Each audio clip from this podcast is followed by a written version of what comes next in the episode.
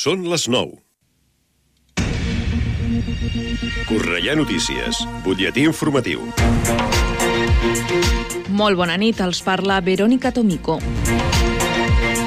L'oficina mòbil d'aigües de Barcelona torna demà divendres a Cornellà. En col·laboració amb l'Ajuntament s'instal·larà davant del Mercat de Sant Ildefons de 9 del matí a dos quarts de dues del migdia. D'aquesta manera, totes les persones que tinguin algun dubte amb la factura de l'aigua podran realitzar totes les consultes i gestions que requereixin sense necessitat de cita prèvia. En relació amb l'aigua, han entrat en vigor les restriccions per la sequera en 224 municipis, entre ells Cornellà. Amb les reserves d'aigua molt baixes, al 28%, s'han ordenat diverses mesures, com la reducció del proviment d'aigua de 230 litres per habitant i per dia. Aquest cabal inclou activitats econòmiques i també comercials. Recordem que l'AMB acaba d'aprovar també el pla estratègic per reduir el dèficit hídric. Natàlia Olson Urtecho, exconsellera d'Innovació de la Casa Blanca, inaugura demà a l'Auditori la nova edició del Cornellà Creació Fòrum 2023, un espai de diàleg, reflexió i d'anàlisi de l'actualitat a Cornellà. La presentació de l'acte anirà a càrrec d'Eugènia Vieto, professora titular i exdirectora general de SADE. I Corre Solidaris organitza la desena edició de la Marató de Relleus per equips. La prova tindrà lloc el proper 16 d'abril a la ciutat i també es farà una caminada amb un recorregut que es podrà triar entre els 5 i els 10 quilòmetres. Les inscripcions per a les dues proves esportives ja estan obertes a través del web corresolidaris.org. A més, el dia 15 d'abril visitarà la ciutat l'atleta Fermín Cacho, qui portarà a terme la conferència de l'Olimpo a la Tierra. En aquesta cita podran accedir gratuïtament les les empreses participants a la Marató. Fins aquí aquest butlletí informatiu. Poden seguir informats de l'actualitat de la nostra ciutat al Cornellà Notícies de la una del migdia, als butlletins horaris i a l'app i la web de Ràdio Cornellà. També trobaran les darreres actualitzacions i notícies al radiocornellà.cat i a les xarxes socials de la ràdio, Twitter, Facebook i Instagram. Ara el temps. Connectem amb l'Agència Estatal de Meteorologia. Bona nit. Demà divendres esperem una jornada a Catalunya amb temperatures en les mínimes que baixaran lleugerament a Girona, pujaran a Tarragona i no canviaran gaire la resta amb gelades que continuaran sobretot a zones de l'interior i fortes del Pirineu amb mínimes de 2 sota 0 a Lleida, de 0 graus serà la mínima a Girona, de 4 graus positius a Tarragona i de 5 a Barcelona, mentre que les temperatures màximes pujaran en general demà, amb màximes que arribaran als 15 graus a Girona, als 14 a Lleida i a Barcelona i als 17 a Tarragona. Per la resta resta esperem un dia a Catalunya predominat pels intervals de nupolats al cel quedant durant la tarda, cels poc nupolats o clars amb la tramuntana que seguirà predominant a l'Empordà amb ratxes que podran superar els 50 o 60 km per hora durant el matí. Seguirà predominant el vent del nord-oest al sud de Tarragona, mentre que la resta el vent serà fluix i de la component oest. És una informació de l'Agència Estatal de Meteorologia. L'informació de Cornellà. Més a prop, impossible. Ràdio Cornellà, 104.6 FM. Bon vespre, són les 9 i un dijous més comença Atrapats a la Cultura.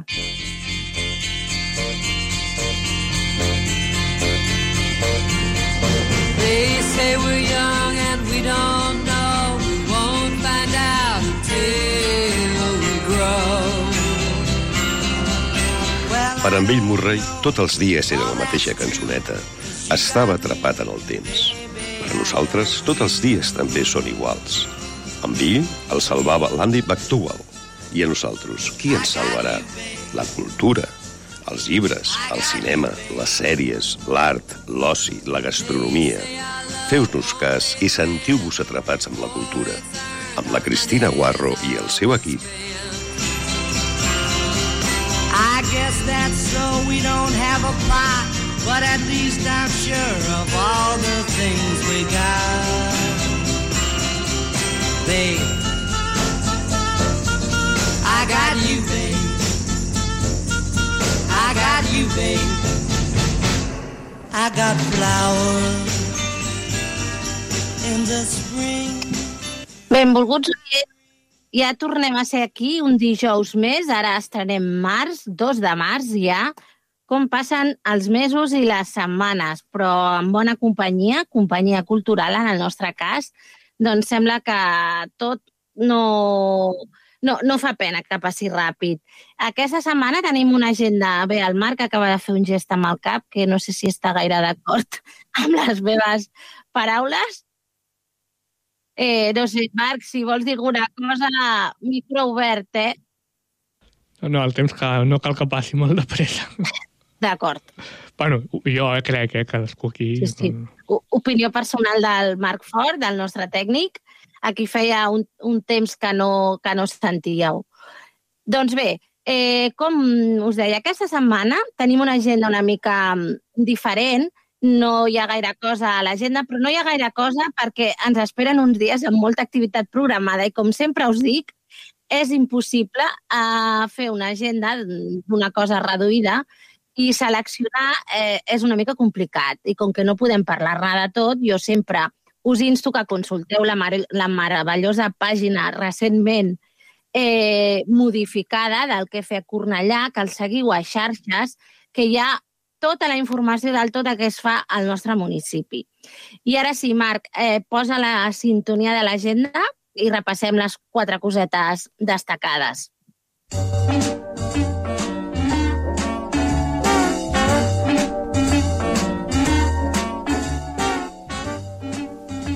Doncs vinga, si us sembla, eh, comencem a recordar-vos que dimecres que ve és 8 de març, Dia de la Dona Treballadora, i que al nostre municipi, en, en acompanyat del Centre d'Informació i Recursos de les Dones de Cornellà i, i el Departament d'Igualtat de la ciutat i el Cornellà Cultura, doncs ha programat prop d'una trentena d'activitats a casa nostra fins al 25 de, de desembre, doncs en què que al voltant del, de la dona com a eix temàtic s'articulen diferents propostes. Teniu des de teatre, projeccions cinematogràfiques, alguna presentació de llibre, eh, xerrades com una sobre les, les pensions o el mercat laboral en el cas de la dona i teniu propostes com la que es veurà durant el cap de setmana, que és a partir del, del taller de teatre del CIRC, doncs que les seves eh, integrants ens representaran al mercat de, al mercader de Venècia de, de Shakespeare. I com ja us he dit al- a l'inici de la secció, de veritat, consulta l'agenda, la, la web cultural, que us en donarà més detalls i serà més precisa del que jo ara us puc eh, explicar.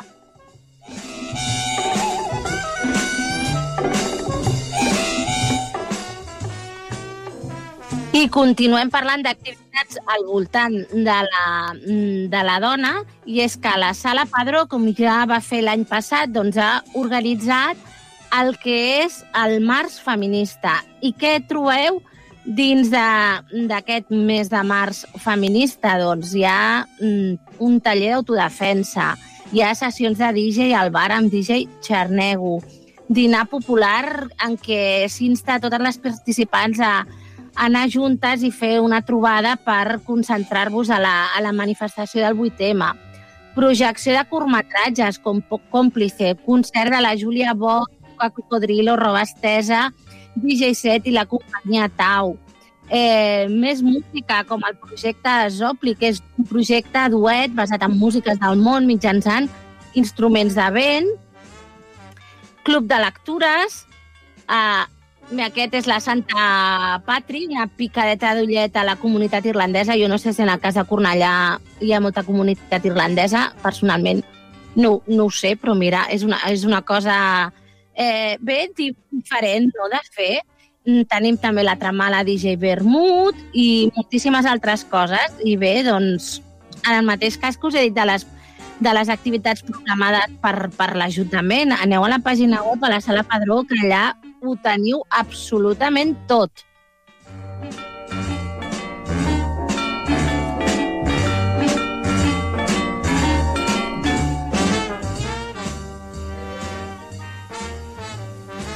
Vinga, i ara eh, acabarem la secció de l'agenda recomanant-vos una proposta super, super interessant com és Carrer de Txernòbil, que serà diumenge 5 de març a les, a les 7 de la tarda a l'Auditori de Cornellà. Es tracta d'una proposta teatral protagonitzada per l'actriu cornellanenca Evelina Arevalo. La peça consisteix en un monòleg que significa la, la històrica catàstrofe nuclear de 1986, un text basat en el llibre La pregària de Txernòbil de la Svetlana Alexievich, Premi Nobel de Nobel, Premi Nobel de Literatura del 2015. L'obra sorgeix del calat eh, d'un dels cares que componen aquest llibre, com és La solitària veu humana, un text esglaiador que parteix d'una entrevista que Alexievich va fer a Lyudmila Ignatenko, que és dona del bomber d'un dels bombers difunts, i transcriu meravellosament en, en, en aquest llibre. No? Ja sabeu que aquest llibre, si no l'heu llegit, jo us el recomano molt, eh, doncs aquest llibre recull l'experiència que van registrar com més de, de 500 persones que van viure l'accident, doncs Alexevich en recull el, el testimoni. I si us sembla, si em voleu saber una miqueta més d'aquest eh, super... És que no sé com definir-ho, eh? D'aquesta veu veritable, feridora i plena d'humanitat, doncs el que farem serà tot seguit posar-vos eh, i rescatar una entrevista que la nostra companya dels informatius, la Verónica Tomico, doncs va fer a l'actriu a la, de l'espectacle, la cornellanenca Evelyn Arevalo. Endavant. Aquest diumenge, dia 5 de març, la ciutadania cornellanenca tenim l'oportunitat de gaudir a l'Auditori de Cornellà d'aquesta obra de teatre que d'alguna manera escenifica la història viscuda a Txernòbil amb la catàstrofe nuclear tan coneguda per, per tothom i que va marcar un punt negre a la història. Explica'ns una miqueta més d'on neix aquesta idea d'aquesta obra de teatre. Mira, aquesta idea, bueno, aquesta obra, me la, va, la idea de l'obra, perquè està, està basada en el, en el llibre d'Esveldan Alexeyevich, la, bueno, va ser la Premi Nobel, ara no recordo exactament quin any, uh -huh. que és una periodista i, i escriptora que va escriure el llibre que, que en català és La pregària de Txernòbil, es va traduir amb aquest nom, i en castellà és les, la plegària de Txernòbil, diria. -huh. Sí, no, no, perquè era, espera, era la, la pregària, les veus de Txernòbil, uh -huh. les veus de, veus de Txernòbil, crec que va ser. I, i bueno, que, que ella, el, el que va fer Svetlana Alexeyevich va ser entrevistar els, els supervivents de, del desastre nuclear, que li va costar, perquè bueno, com, va haver molt, molt de secretisme entorn, entorn a això, i ella els va entrevistar i va escriure aquests testimonis i és un llibre que jo el recomano també, vull dir que és, que és magnífic perquè té diferents, diferents tipus de testimonis, aleshores també hi ha com gèneres barrejats, vull dir, des de... Des de bueno, el, en el que està basada, que és amb, amb un d'aquests testimonis, que, és, eh, que seria el primer text com el pròleg del llibre, que es diu Una veu humana solitària, que és el, que és el testimoni de, de la Ludmila Ignatenko, que és la dona d'un dels bombers que, que van acudir al suposat incendi a la central. I aleshores, bueno, aquell llibre, en Joaquim Armengol, que és el que, és el que va fer l'adaptació la, i la direcció de l'espectacle, em va dir, vull muntar això, vull dir, eh, què et sembla? I jo vaig dir, bueno, vaig a llegir-m'ho. I aleshores vaig llegir-me el, el text i em va impactar molt, vaig pensar, mare meva, com... perquè vaja, si, si el llegeixes és... i si el veus també, però és un relat tan tan fort, no sé com... És, és molt dur. És, és molt dur i, és, i alhora és molt és d'una poètica uh, magnífica no, no és en cap moment va uh, té un to sentimental sentimentalista especialment i, i és una cosa molt, molt impactant i bueno, així, així per nosaltres va venir, va venir així, m'ho va proposar en Quim Clar, què suposa per una actriu fer una obra de teatre mm, d'aquest tarannà? Perquè hem de dir que és una obra dura, eh, la història que narra evidentment és eh, cruel. Mm, tots sabem què va passar a Txernòbil, tot i, com deies, eh, el secretisme que hi ha hagut al voltant i que potser no sabem tota la història ben bé del cert, però a més estàs sola sobre l'escenari eh, una hora d'espectacle allà davant interpretant doncs, les veus, les paraules d'aquesta dona, com dèiem, dona d'aquest bomber que va perdre la vida a l'accident. Bueno, la, jo és, és el primer monòleg que faig. Bueno, he fet algun monòleg dins una obra de teatre, però va, una, una obra sencera que, que sigui un monòleg i que estigui sola damunt l'escenari, no? Aquests monòlegs que tens algú que, que et mira, tampoc, tampoc el tinc, estic sola completament. El meu company és, és el tècnic, en Carles. Eh, doncs mira, és una, és una experiència que, que jo crec que tot actor ha de tenir, que fa una miqueta de por i després tampoc és per tant, en un sentit, en un altre.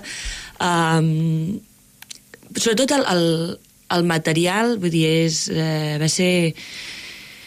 Bueno, una mica, a l'hora d'interpretar-lo, dius, des d'on l'interpretes? Perquè és un, com hem comentat, és un, és un testimoni, és un text molt dur, és un text sense concessions, en el qual tu has de, tu has de, has de poder actuar, vull dir, tens el deure, podríem dir, d'actuar des, des de la veritat, des d'una veritat, vull dir, no qualsevol tipus d'artifici, ja sigui escènic, és a dir, escenogràfic o, o interpretatiu, és, eh, es dona de patades, diguem, amb, uh -huh. amb el text. Aleshores, i alhora, per una altra banda, dius, bé, treballem des de la veritat, no? des de, una mica, des dels teus sentiments, des del, des de, no els teus sentiments, des de la teva emoció, perquè el, perquè el sentiment jo crec que és una cosa que té a veure amb el relat, d'alguna manera, no? L'emoció és una cosa que, que tenim en, en, en el magma del, del, del nostre ésser, que al final els actors hem d'aconseguir treballar amb això, que no és la nostra, la nostra experiència, uh -huh. sinó la sal aquesta que et queda de, de residual. Però clar, després dius, bueno, jo tinc experiències i tinc experiències eh, tristes de pèrdua, de... però clar, és un nivell tan gran, aleshores també com et relaciones respectuosament amb, aquest, amb aquesta situació, com, com arribes a, a poder eh, no només fer arribar les paraules, perquè al final tu has d'encarnar el, el personatge. I, bueno, i és una mica trobar eh, aquest equilibri i sobretot no entrar en, en, en histrionismes, en, en histèria interpretativa, amb un excés de d'emoció, podríem dir, vull dir, amb una exhibició emocional, vull dir que... Perquè al final és... Tu has de transmetre l'experiència, les paraules de, del personatge i el públic les ha de rebre, i és el públic qui ha de... A veure, i tu, òbviament, ho has de... Vull dir, tu estàs allà vivint la, la situació, però... Sí, així explicat ràpid és un... És complicat, perquè a més ja parlàvem, eh? és, un, és un relat, com de deies, que qualsevol mena de llicència també mm, pertorba d'alguna manera la història real, no? Cal, cal ser respectuós i curós amb, amb com es fa. Uh, tot un repte, podríem dir, i clar, hem de dir a la ciutadania mm, que s'animi a participar i a anar a veure aquesta obra, perquè a més eh, seràs la protagonista principal, evidentment, en aquest monòleg, però a més, Evelyn Arevalo, tens un cognom molt associat a la nostra ciutat. Sí. Hem de dir que ets cornellanenca i, i, i estàs molt vinculada també al nostre municipi. Sí, sí, bé, jo vaig néixer a Cornellà, vaig anar a l'escola a Cornellà i, vaja, i, i, i, i mon pare i, i els meus tiets, jo tenia els meus avis, vull dir, són, eh, són una part de Cornellà, tenen les, les botigues, les, les rellotgeries Arevalo, com, i, i sí, doncs, no, som nosaltres, diguem. Un altre al·licient per poder gaudir d'aquesta obra, sí. el donar suport també a un artista cornellanenca. A mi em fa molta cas. il·lusió, fa molta il·lusió venir a Cornellà a, a, a fer aquesta obra, perquè perquè, òbviament és una obra que jo m'estimo molt, vull dir que porto des de... La vaig estrenar el 2019, la, la vam estrenar a Girona, avui hem fet dues temporades a Barcelona. Enca, bueno, ara, aquest és l'últim bolo de moment, així que si algú la vol veure, no sé si n'hi haurà més, però, però vaja, l'hem estat rodant molt. Jo la disfruto... Bueno, jo estic, vaja, estic molt emocionada, estic molt, una mica nerviosa, eh, de venir-la a, a fer. Doncs, sobretot, recordem, aquest diumenge, el dia 5 de març, a les 7 del vespre, aquesta cita amb carrer de Txernòbil, a l'Auditori. Uh, ja es poden comprar les entrades, per tant, que tothom s'afanyi per no quedar-se sense, sí. i convidem a tothom que, que la gaudeixi.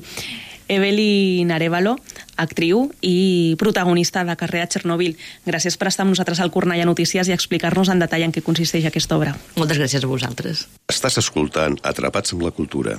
We're coming to the edge, running on the water, coming through the fog, your sons and daughters.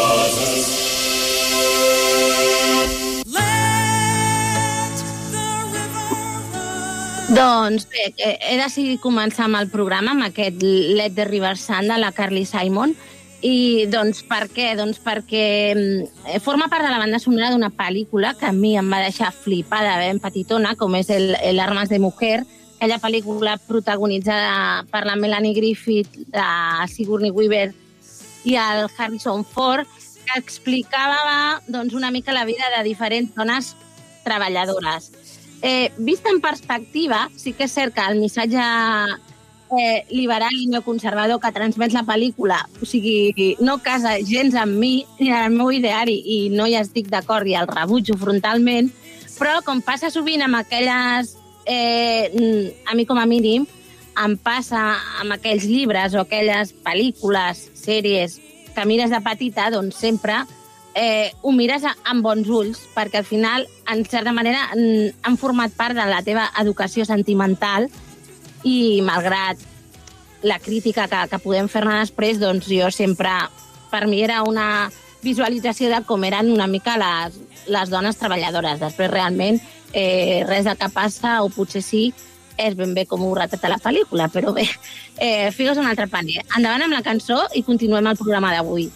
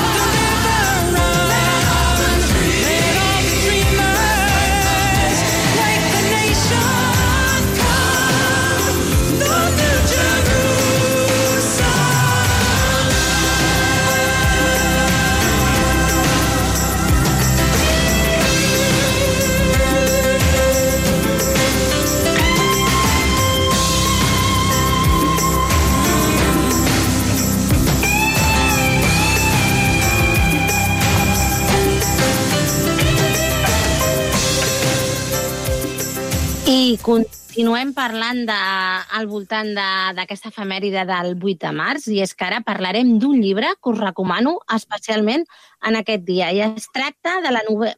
Bé, dic novel·la, però no és novel·la, ara us n'explicaré per què. Tea-Rooms, eh, de, de Luisa Carnés, que l'editorial Hoja de Lata va publicar el 2016. És una autora que ha estat eh, mm, doblement discriminada, primer perquè ara s'est- se n'està parlant molt de les, del moviment de les Sin Sombrero després del, del recomanadíssim eh, documental que, mm, de la Tània Ball- Ballús, referit a aquest moviment, però és que, a més a més, Luisa Carnés, a banda de, de formar-ne part, ella venia d'una família molt humil, eh, va tenir una formació totalment au- autodidacta i, per tant, en el seu cas, també al, a la qüestió de gènere s'hi s'hi afegia una qüestió un viatge de, de classe social. Eh, Luisa Carnés després eh, doncs, va morir mm, mm, bastant jove a Mèxic, a l'exili, com tantes altres companyes d'aquesta generació, les quals eh, la vida laboral, doncs, eh, per culpa de la Guerra Civil, va quedar totalment eh, estroncada. Per què us recomanava Tea Rooms? Tea Rooms és, és, un, és un llibre, la Ruiza Carnés es va dedicar al periodisme i és un llibre que està basat en, en les experiències que ella va viure en una de les múltiples feines que, que va tenir com a, com a cambrera, justament en un saló de te d'aquí, el, el nom d'aquest llibre. És un llibre que està, és molt amè, està mm, escrit en format de, de, periodis, mm, de periodisme, de crònica periodística. No és ben bé, per això us deia que jo al principi n'havia dit novel·la, no és exactament una novel·la. Està, és, té molt de reportatge, crítica, crítica social i crònica periodística. Eh, en aquest cas, doncs, eh, Carnés eh, retrata les dures condicions que vivien la, les treballadores, situacions en molts casos de, de pobresa extrema, bé, discriminacions, i com us deia, és una novel·la que, que val la pena que, que llegiu, que l'editorial Ojadelat ha fet molt bé recuperar. De fet, eh, n'ha recuperat altres, altres llibres de la- de l'autora. I jo des d'aquí, des de la Tapats de la Cultura, us en recomano moltíssim la lectura. I ara parlarem una miqueta de cinema perquè ahir dimecres, 1 de març, es va, es va inaugurar la tercera edició del Festival de Cinema La Inesperada. I per parlar-ne ens acompanya la Núria Jiménez, la cineasta, que és la directora i programadora d'aquest festival de cinema. Hola, Núria. Hola, què tal? Bona tarda. Us soc amb en Miquel Martí Freixas, molt important. Sí, conjuntament, sí, sí. Sí, No, no el volia exacte. obviar, el que passa que com que l'entrevista la feia amb tu... Sí, sí, ho era sé, ho sé, només. Però sí, sí, exacte. Sou coprogramadors i del, de la Exacte. mostra. Doncs explica'm una mica com sorgeix aquesta, aquest festival de cinema que esteu, que esteu centrats en la no ficció, Mhm. però a banda voleu reivindicar com una mica el cinema a la pantalla grossa, entenc jo. El que és Sí. l'experiència cinematogràfica. Sí, exacte. L'experiència amb, amb una sala de cine, que és completament diferent, nosaltres no, no tenim versió online, i apostem molt per això, per aquesta experiència uh, cinematogràfica que dius tu, bàsicament que cada sessió és única i és diferent, i és compartir també amb, amb altres persones un espai i una experiència. Llavors, eh, bueno, per, per nosaltres això és molt important i reivindiquem molt eh, les sales de cinema i, i per això, bueno, doncs això no, no volíem tenir versió online i, i ja està. No sé, perdona, eh, és que... No, no, tranquil·la. Eh, perquè ara aquesta és la tercera edició, però aquest festival, tenint en compte que hi ha hagut el, la, la pandèmia pel mig, quin any el Mm. comenceu? Clar, nosaltres la primera edició va ser el 2021, però teníem previst fer-la al setembre del 2020. Òbviament, amb el tema de la pandèmia, sí, doncs vam, vam aplaçar-ho sis mesos i després, al, al març del 2021, vam fer la primera edició, al febrer, perdona, al febrer del 2021 vam fer la primera edició i, i ja està, i ja, aquest any és la tercera edició. I, clar, ha canviat bastant pel tema de la pandèmia, en el sentit que el primer any no vam poder fer cap trobada, no? perquè encara hi havia moltes restriccions, també el tema de l'aforament doncs, només es permetia el 50% i en aquest sentit doncs, ha millorat molt no, el tema. Sí, perquè vosaltres, com, com bé dèieu, us centreu també en el que és l'experiència, entenent com un tot global, i, i a banda de les projeccions hi ha moltes xerrades, conferències. Eh, per exemple, eh, una de les activitats que heu presentat, que ha estat, crec que ha estat- que s'ha celebrat avui durant aquest matí, que és l'èxit, que és Mhm. aquest espai de debat per projectes de, de producció catalana que estan en vies de desenvolupament. Com, com ha anat la, la trobada? Doncs ha anat molt bé, ha sigut molt, molt interessant i efectivament nosaltres el que volem és també donar suport i sortida a, a, als cineastes locals o les productores també d'aquí catalanes i ens interessa molt doncs, obrir una mica portes a nous llenguatges cinematogràfics de no ficció. No?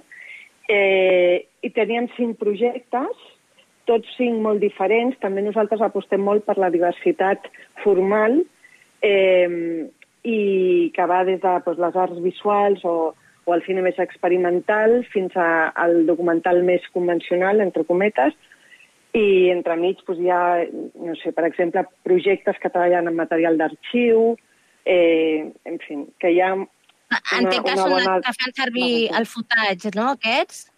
Perdona?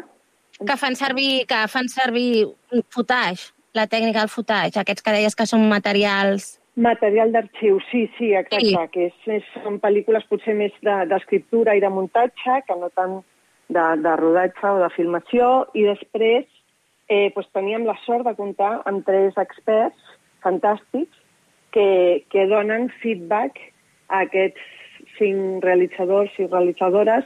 I això doncs, eh, ajuda sempre una mica a, a tirar endavant el projecte i també a conèixer una mica millor les opcions que hi ha, per exemple, per distribució o per mm, ajudes per postproducció, etc. Val, o sigui que, que entenc que pels, pels cinc projectes també se'ls ha donat una mica d'assessorament. Sí, sí, és que eh, aquest és l'objectiu bàsic de- d'èxit de, d'aquesta trobada. És rebre assessorament per part de tres persones expertes que coneixen bé el mercat i coneixen bé la indústria cinematogràfica. Llavors, aquest assessorament doncs, pot ser en forma de... Depèn del que cada projecte necessiti, no? Si pot ser eh, pot estar més vinculat al tema, a un aspecte creatiu o narratiu, o pot estar més enfocat a un tema, per exemple, doncs, d'ajudes eh, per postproducció o coses així, eh, distribució, etc. Mm. Deixa'm que recordi els, no, els noms dels tres tòtems Sí. que han fet l'assessoria.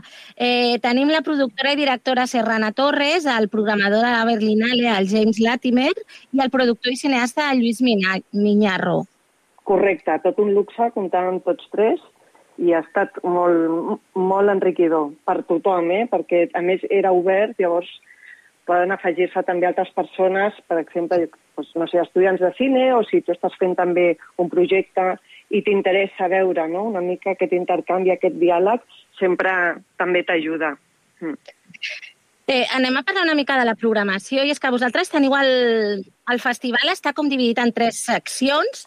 Sí. Eh, la secció atòmica, que és la, Mhm. la secció internacional, Sí. Supernova, que és la del segle XX, però jo entenc que aquest any, com que la centreu en la cineasta japonesa, Kaneda Mhm. Sumiko, que Mhm. actualment té 97 anys i que l'esteu eh, ajudant a sortir de, del forat negre on havia quedat perquè pràcticament ningú la coneixia. Sí, I després exacte. hi ha, hi ha la secció Quadecuc, que és a la, Mhm. dedicada a la producció catalana. Exacte. Parla'ns una mica de l'obra de la Sumiko. Pues eh, Sumiko Haneda és una cineasta japonesa que va ser pionera eh, en el camp documental i sobretot al seu país, a Japó, perquè va fer pel·lícules en un moment en, en el que l'accés a, a fer o realitzar pel·lícules era, era una cosa excepcional, no?, sent una dona, no? I, i llavors ens interessava molt, perquè estem parlant dels anys 50, 60, 70, a Japó, ens interessava molt recuperar la seva obra.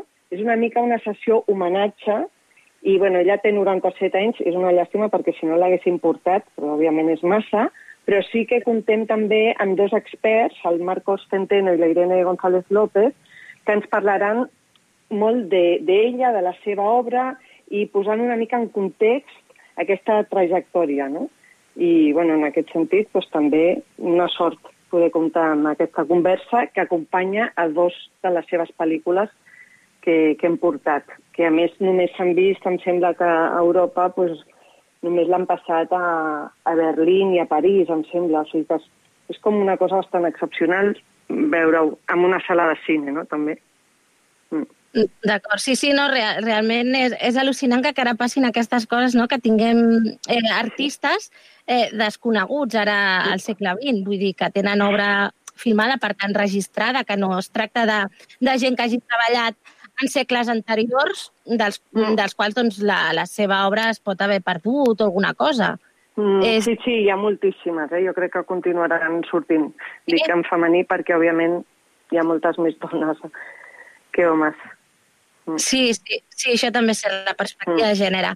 Eh, una, altra, una altra de les, dels plats forts de, del, de la inesperada és Mm. la, la presència de la directora iraniana Mariam Tafakori, no sé si ho he pronunciat bé, Mariam que fa projecció sí. i, i una xerrada. Sí, sí, sí. En aquest sentit també doncs, és una oportunitat única. Nosaltres coneixíem bé la, la seva feina, els seus treballs, la seva obra. Eh, és una artista i cineasta iraniana que viu a Londres i eh, bueno, volíem portar una selecció dels seus curtmetratges perquè són eh, espectaculars, tenen molt, molta poesia, però al mateix temps parla de moltes coses de l'Iran, no? de les tradicions, de la religió, de la societat. Eh, llavors, després va passar tot el que va passar a Iran i, en aquest sentit, va cobrar encara més rellevància no? portar-la aquí. Llavors, no només ve ella, sinó que també comptem amb la Rima Shermohammadi, que és una traductora i activista i divulgadora cultural d'origen iranià, i llavors faran també una conversa entre les dues, un diàleg, no? I en aquest sentit, després de veure els sis curtmetratges, doncs, també és molt interessant sentir una mica eh, tota aquesta conversa al voltant d'aquests temes relacionats amb Iran.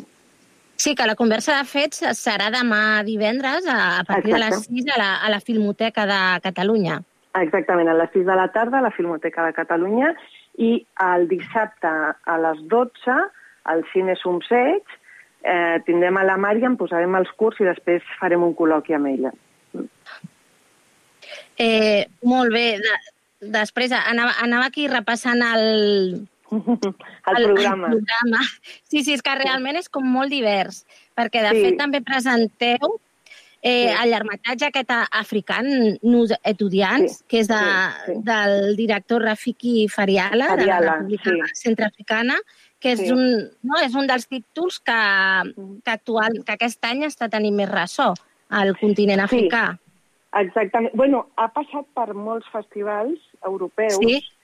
Eh, va passar per la Berlinale, per exemple, per la Biennale també, per, també va anar a Toronto, en fi, a l'IDFA, bueno, ha passat per molts festivals a nivell europeu i, i el que ens agrada molt és que és la visió de, del Rafiki, que és un estudiant eh, de la República Centroafricana, i és una visió d'ell, no? I, de, i com a estudiant eh, del, del, de tot el seu voltant i també de, de totes les contradiccions, és a dir, mostra la realitat tal com és. No? I estem molt acostumats potser a veure obres eh, vistes des d'un punt de vista occidental, llavors eh, ens agrada molt més veure algú que ho digui no? des, de, des del lloc, no? amb, amb la visió d'allà. I, I, bueno, la pel·lícula és realment in- interessant en molts sentits. Té moltes capes, també. Mm. I una, una altra de les propostes és aquest eh, H de Carlos Pardo Sí. Ros, que de fet Sí. està basada en uns fets reals. Sí, eh, o sigui, diguem-ne que l'origen, potser el punt de partida, no? té a veure amb, amb una mort tràgica a Pamplona a les festes de Sant Fermín, però parlem de l'any 1969. I a partir d'aquí, no? d'aquest home eh, anomenat H, no?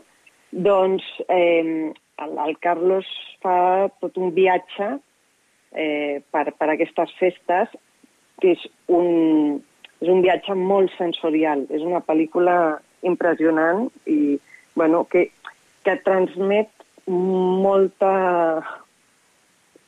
unes sensacions molt fortes no? al, al, als espectadors. La veritat és que és, és com una mena d'experiment audiovisual que arriba fort. És molt intensa, en el millor sentit. Mm, Dèiem que, el, que la, la inesperada sorgia mm, per, per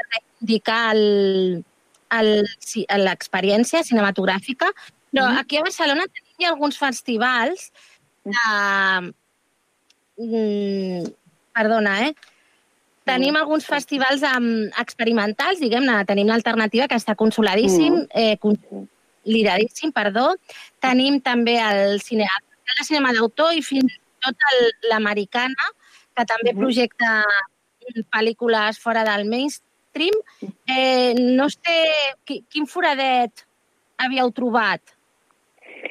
Doncs per nosaltres era... Um, bàsicament això va sorgir de veure pel·lícules a altres festivals de fora, com pot ser això Locarno, Berlinale, Cinema d'Israel, etc etc, a Rotterdam i tal, que, que no es podien veure aquí, però fins i tot casos de pel·lícules fetes per persones d'aquí que no es podien veure a Barcelona en una sala de cine, no?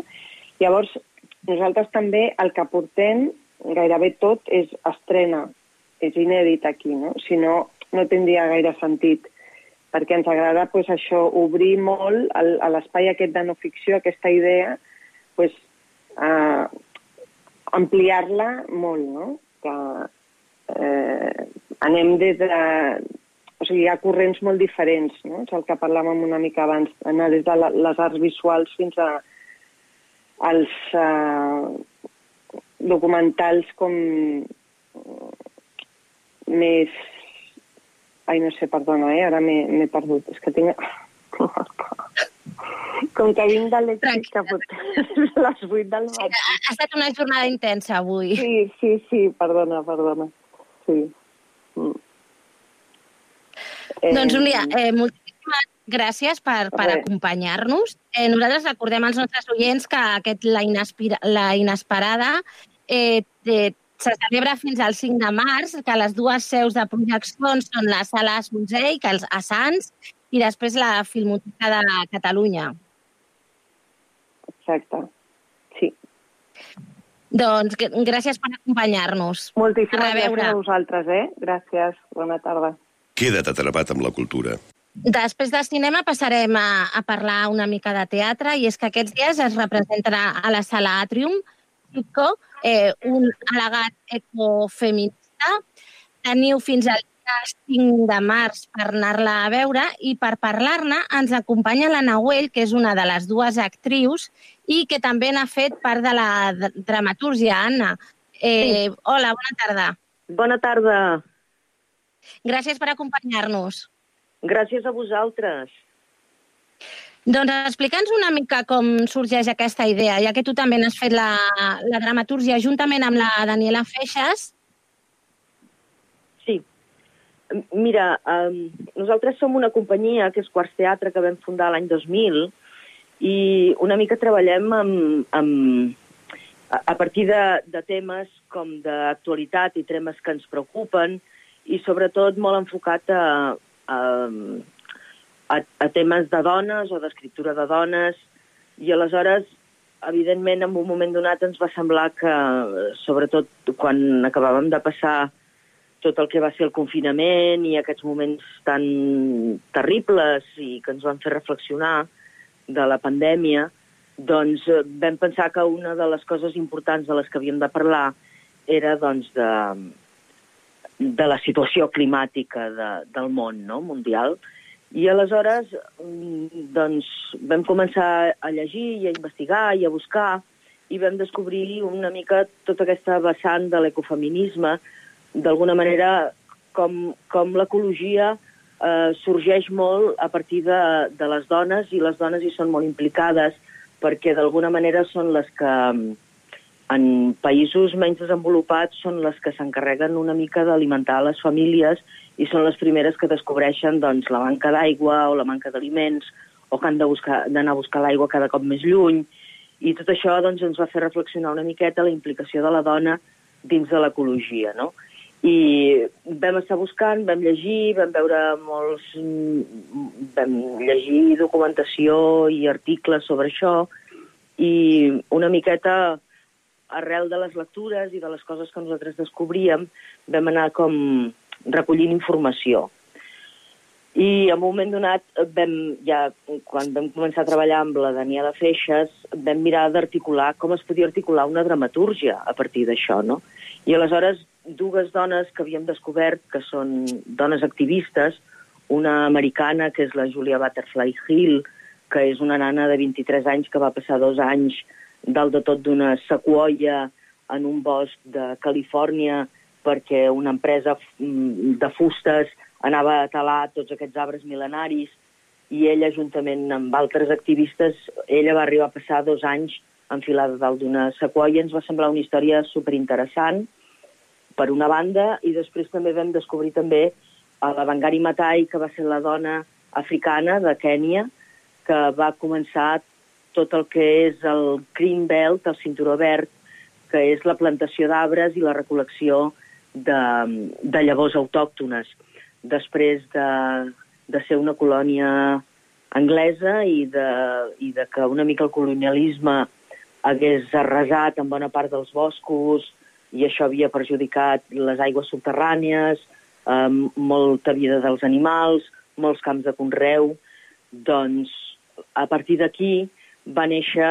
Eh, Bangari Matai és una biòloga, va, va estudiar biologia als Estats Units, va guanyar el Premi Nobel de la Pau l'any 2004 i ella va iniciar d'alguna manera aquesta idea d'anar replantant arbres, de fer cinturons d'arbres per evitar que el desert s'anés menjant més, anés baixant cap al sud d'Àfrica, no? Molts països van apuntar aquesta idea i avui en dia és un dels moviments activistes en favor de la naturalesa més importants que hi ha. I a través de la vida d'aquestes dues dones es va articular aquest, aquest petit espectacle i al voltant d'això moltes coses que havíem anat recopilant, com de la vida d'una llavor, d'una arrel, d'un tronc, d'una fulla, una mica a partir de biòlegs, doncs eh, hem articulat aquest petit espectacle que ens explica la vida d'aquestes dues dones i que hi posa molta poesia, també. I, no obstant, vosaltres, el títol, eh, Chico, és una, pa, és una paraula de, de la llengua indi que significa abraçar i té, té l'origen a una acció que, va ser, que es va fer a la, a la Índia entre els anys 1986 i 1988, on les activistes, eh, dones en la seva gran majoria, com bé comentat, eh, s'abraçaven als arbres per, per impedir la, se- per impedir-ne la, la tala. Això eh, és al final ja de l'espectacle on expliquem el nom de Chico, que dona títol a la nostra funció, i és això, en indi significa abraçar, i fa més de 300 anys unes dones a l'Himalaya eh, hi ha una sèrie... Les arrels dels arbres són molt importants per, la, per les reserves d'aigua subterrània i perquè porten aquestes reserves cap a la superfície i la creació de rius i de fonts i de llocs on, on es pot anar a buscar aigua. Aleshores, hi ha una sèrie d'arbres que antigament es tenien com a arbres sagrats precisament perquè provocaven el naixement dels rius.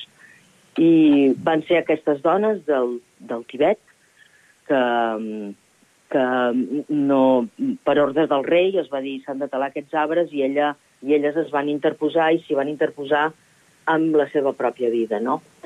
I, i d'aquí va néixer una miqueta, doncs, eh, quan elles deien xico, xico, és perquè havíem d'abraçar els arbres, perquè els homes llenyataires havien de decidir si el temps que s'emportaven un arbre s'emportaven també la vida d'una dona, no? I moltes dones van perdre la vida en accions d'aquestes.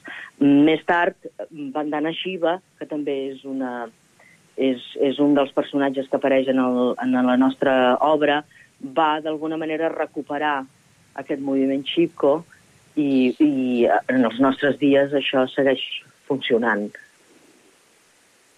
La, la vostra dramatúrgia inco- incorpora també bastants elements au- audiovisuals. Sí. Com, com ho teníeu pensat d'introduir? Mira, nosaltres des de Quarts Teatre treballem sempre amb, com amb pocs elements, amb els elements imprescindibles, i Mhm. aleshores ens semblava que aquest espectacle havia d'estar acompanyat de moltes suggerències, no? precisament perquè ens belluguem i anem de- d'una banda del planeta a una altra, i tot això se'ns havia d'acompanyar d'alguna manera. Vam parlar amb la Mar Orfila, amb Orfila, que ens ha fet una feina meravellosa de vídeos, molt suggerents i que acompanyen molt el treball. I bé, aquí a la sala Atrium això queda com a tres bandes perquè tenim la possibilitat de treballar amb tres parets i, i realment són imatges que ens embolcallen i ens transporten no només a nosaltres com a actrius, sinó a tot el públic, no? No, realment l'espai escènic és, és molt poètic. Sí. Sí, i després també la, la, la Mar també ens va fer tota la banda sonora, no? Que també crec que és, un, és molt suggerent i molt poètic. Sí, sí, va, va tot bastant de la mà. Eh, deixa'm comentar que la- la- l'actriu que t'acompanya és la, la Tània Benús. Sí. Que no, que no ho havíem dit. I una de les coses que, que a mi personalment m'ha cridat més l'atenció és la, la durada de l'espectacle, que crec que és... La veritat, no vaig trobar ni que faltés ni que sobrés. La vaig trobar eh, molt justa, molt, molt equilibrada. Sí, perfecte. Perfecte. És una obra que no és, no és gens llarga, vull dir que són 55 minuts, em sembla, no sé si arriba l'hora, però on hi és tot, no? I una de les nostres obsessions era aquesta, de que poguéssim donar tota la informació el més concentrat possible mm, i no, que no fos una cosa feixuga, no? Perquè, bueno, que tingués un crescendo i que tingués un deixendo, o no sé com dir-ho, o sigui, que després tingués una, un recolliment i que pogués acabar amb rodó. I la veritat és que hem intentat ser, com sempre, bastant, bastant de no donar un accés d'informació, sinó de suggerir molt i, i de ser breus, no? Sí, perquè jo crec que, que justament a vegades el, aquests temes poden, poden caure una mica en el proselitisme, però justament crec que, que doneu la informació adequada. Vull dir, no, des del meu punt de vista no hi havia un accés. No era... Les coses s'explicaven, doncs, el que tu estaves explicant fa una estoneta, de què, què implicava la tala d'arbres no? doncs que, que això afecta les aigües, aleshores les aigües malmet collites, és tot causa-conseqüència, com molt, molt fluid el text. Exacte. Ah, molt bé, molt bé.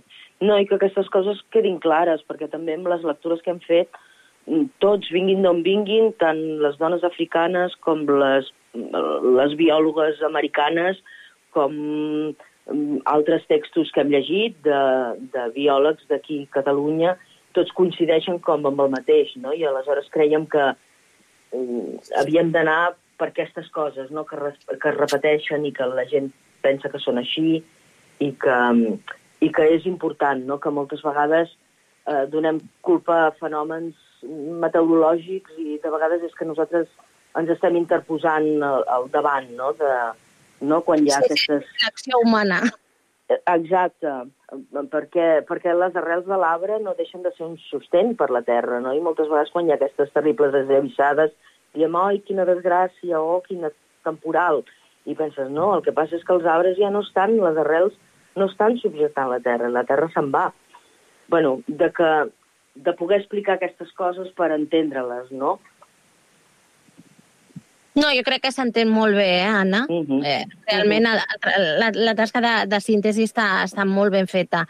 Doncs nosaltres recomanem als nostres oients aquest espectacle que es pot veure a la Sala Atrium fins al 5 de, de març i Anna, moltes gràcies per acompanyar-nos.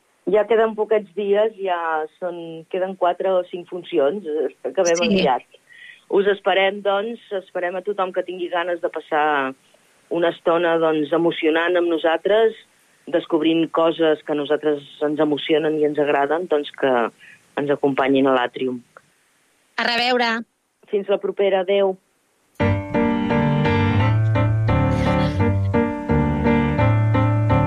Via, via, vieni via di qui. Niente più ti lega a questi luoghi. Doncs bé, bé a, a, sona Paulo Conte i ens avisa que hem d'anar a fer via, que ens hem d'anar acomiadant. No vull tancar el programa sense abans recordar la figura de Juan Muñoz Martín. El seu nom potser eh, no, no sabeu de qui es tracta, però eh, si us dic que és l'escriptor del Pirata Garrapata i el personatge de Fray Perico i Suborrico, que té diverses sèries d'aquella entranyable col·lecció Barco de Vapor, eh, les, eh, eren les, la col·lecció taronja. Ara mm, no tinc per aquí l'exemplar, els tenia, no els tinc a mà, o sigui, exactament no sé quina edat era dirigida, doncs el, el dilluns 17, 27, perdó, la família de, de l'escriptor Muñoz Martín doncs, comunicava a través de Twitter doncs, que l'escriptor de 93, de 93 anys havia traspassat. I jo no sé, jo, jo el llegia, el seguia a Twitter, era, he de dir que era una, era un, un, un Twitter star, per dir d'alguna manera, tenia la seva col·lectivitat i, i grup de fans, que era... escrivia realment, freqüentava bastant la, la xarxa Twitter, la, la resta no ho sé, però el Twitter el feia servir bastant, i que sempre responia a molts dels qui eh, li enviaven propostes o simplement eh, li agraïen la, la seva feina perquè jo crec que els nens lectors dels anys 80 tots coneixem les, les seves històries. Eh, simplement recordar-vos que l'any passat doncs, va rebre la medalla d'or al mèrit de les Belles Arts i continuem amb Palo Conte, tornem la setmana que ve, 9 de maig. A reveure! Via, via. Entra e fatti un bagno caldo. C'è un accappatoio azzurro. Fuori piove un mondo freddo. Eh? It's wonderful, it's wonderful, it's wonderful. Good look, my baby, it's wonderful. It's wonderful, it's wonderful. I dream of you, chips, chips. Da ti do di do, chi boom, chi boom boom. Da ti do di do, chi boom, chi boom boom. Da ti do di do. 104.6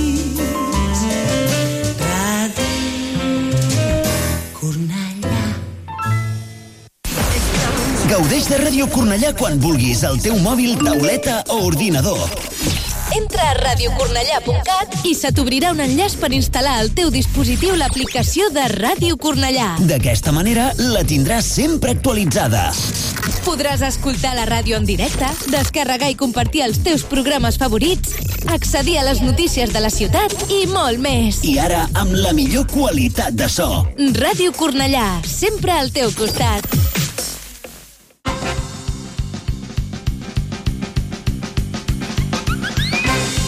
De més enllà, viatgeu amb nosaltres cap a un món de músiques. Connecta't amb De Més Enllà cada diumenge de 5 a 7 de la tarda a Ràdio Cornellà, amb Jordi Garcia.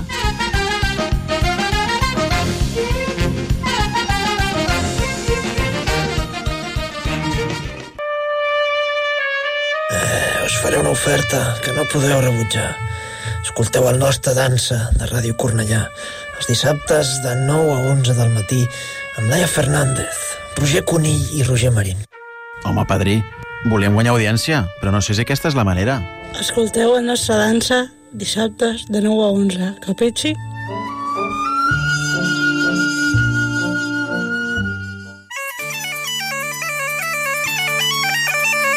Escoita sempre en Galicia. Todos los sábados, de 6 a 8, dos serán. Tots els dissabtes de 6 a 8 de la tarda, escolta Sempre en Galícia. Informacións, novidades, música galega, entrevistas, colaboracións, participacións dos ointes, premios e moitas cousas máis. Con Armando Fernández, Laura Santos, Marc Ford e Xulio Couchil. Sintonitzes Ràdio Cornellà. Sintonitzes Ràdio Cornellà.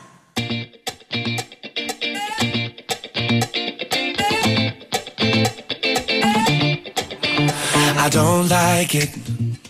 I love it, love it, love it. Uh oh. So good it hurts. I don't want it. I gotta, gotta have it. Uh oh. When I can't find the words, I just go. I don't like it. No, I love it.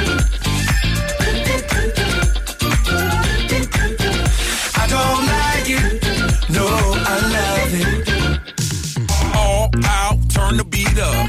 Hey, now I'm glad to meet ya. Turn up, girl, blow the speaker. Yeah, think about it now, blow the speaker. I'll speak louder, let's get wild tonight. Billionaire bottles, we just down. I'm like, ain't no problem, all my wrongs are right. Alright, alright, I don't like it, I love it. I got another coming in my budget. I got an anaconda in my trusty. Don't push it, don't push it, cause I'ma hit it till I jackpot. That's right, wax on, baby, wax off. Act right, you can put it on a black card. All night and I'll spend it, I'll spend it. Cause I don't like it. I love it, love it, love it. Uh oh. So good it hurts. I don't want it. I gotta, gotta have it. Uh oh. When I can't find the words, I just go. I don't like it. No, I love it.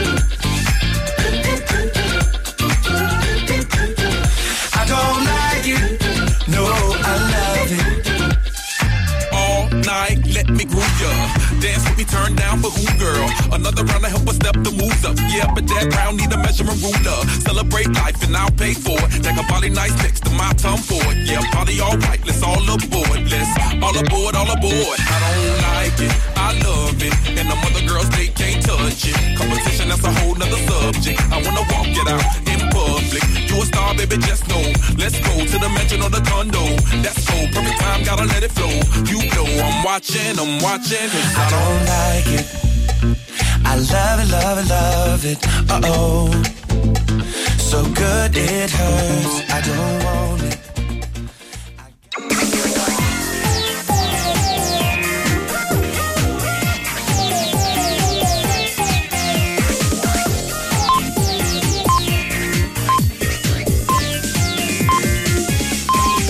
Són les 10. Correia Notícies, butlletí informatiu. Molt bona nit.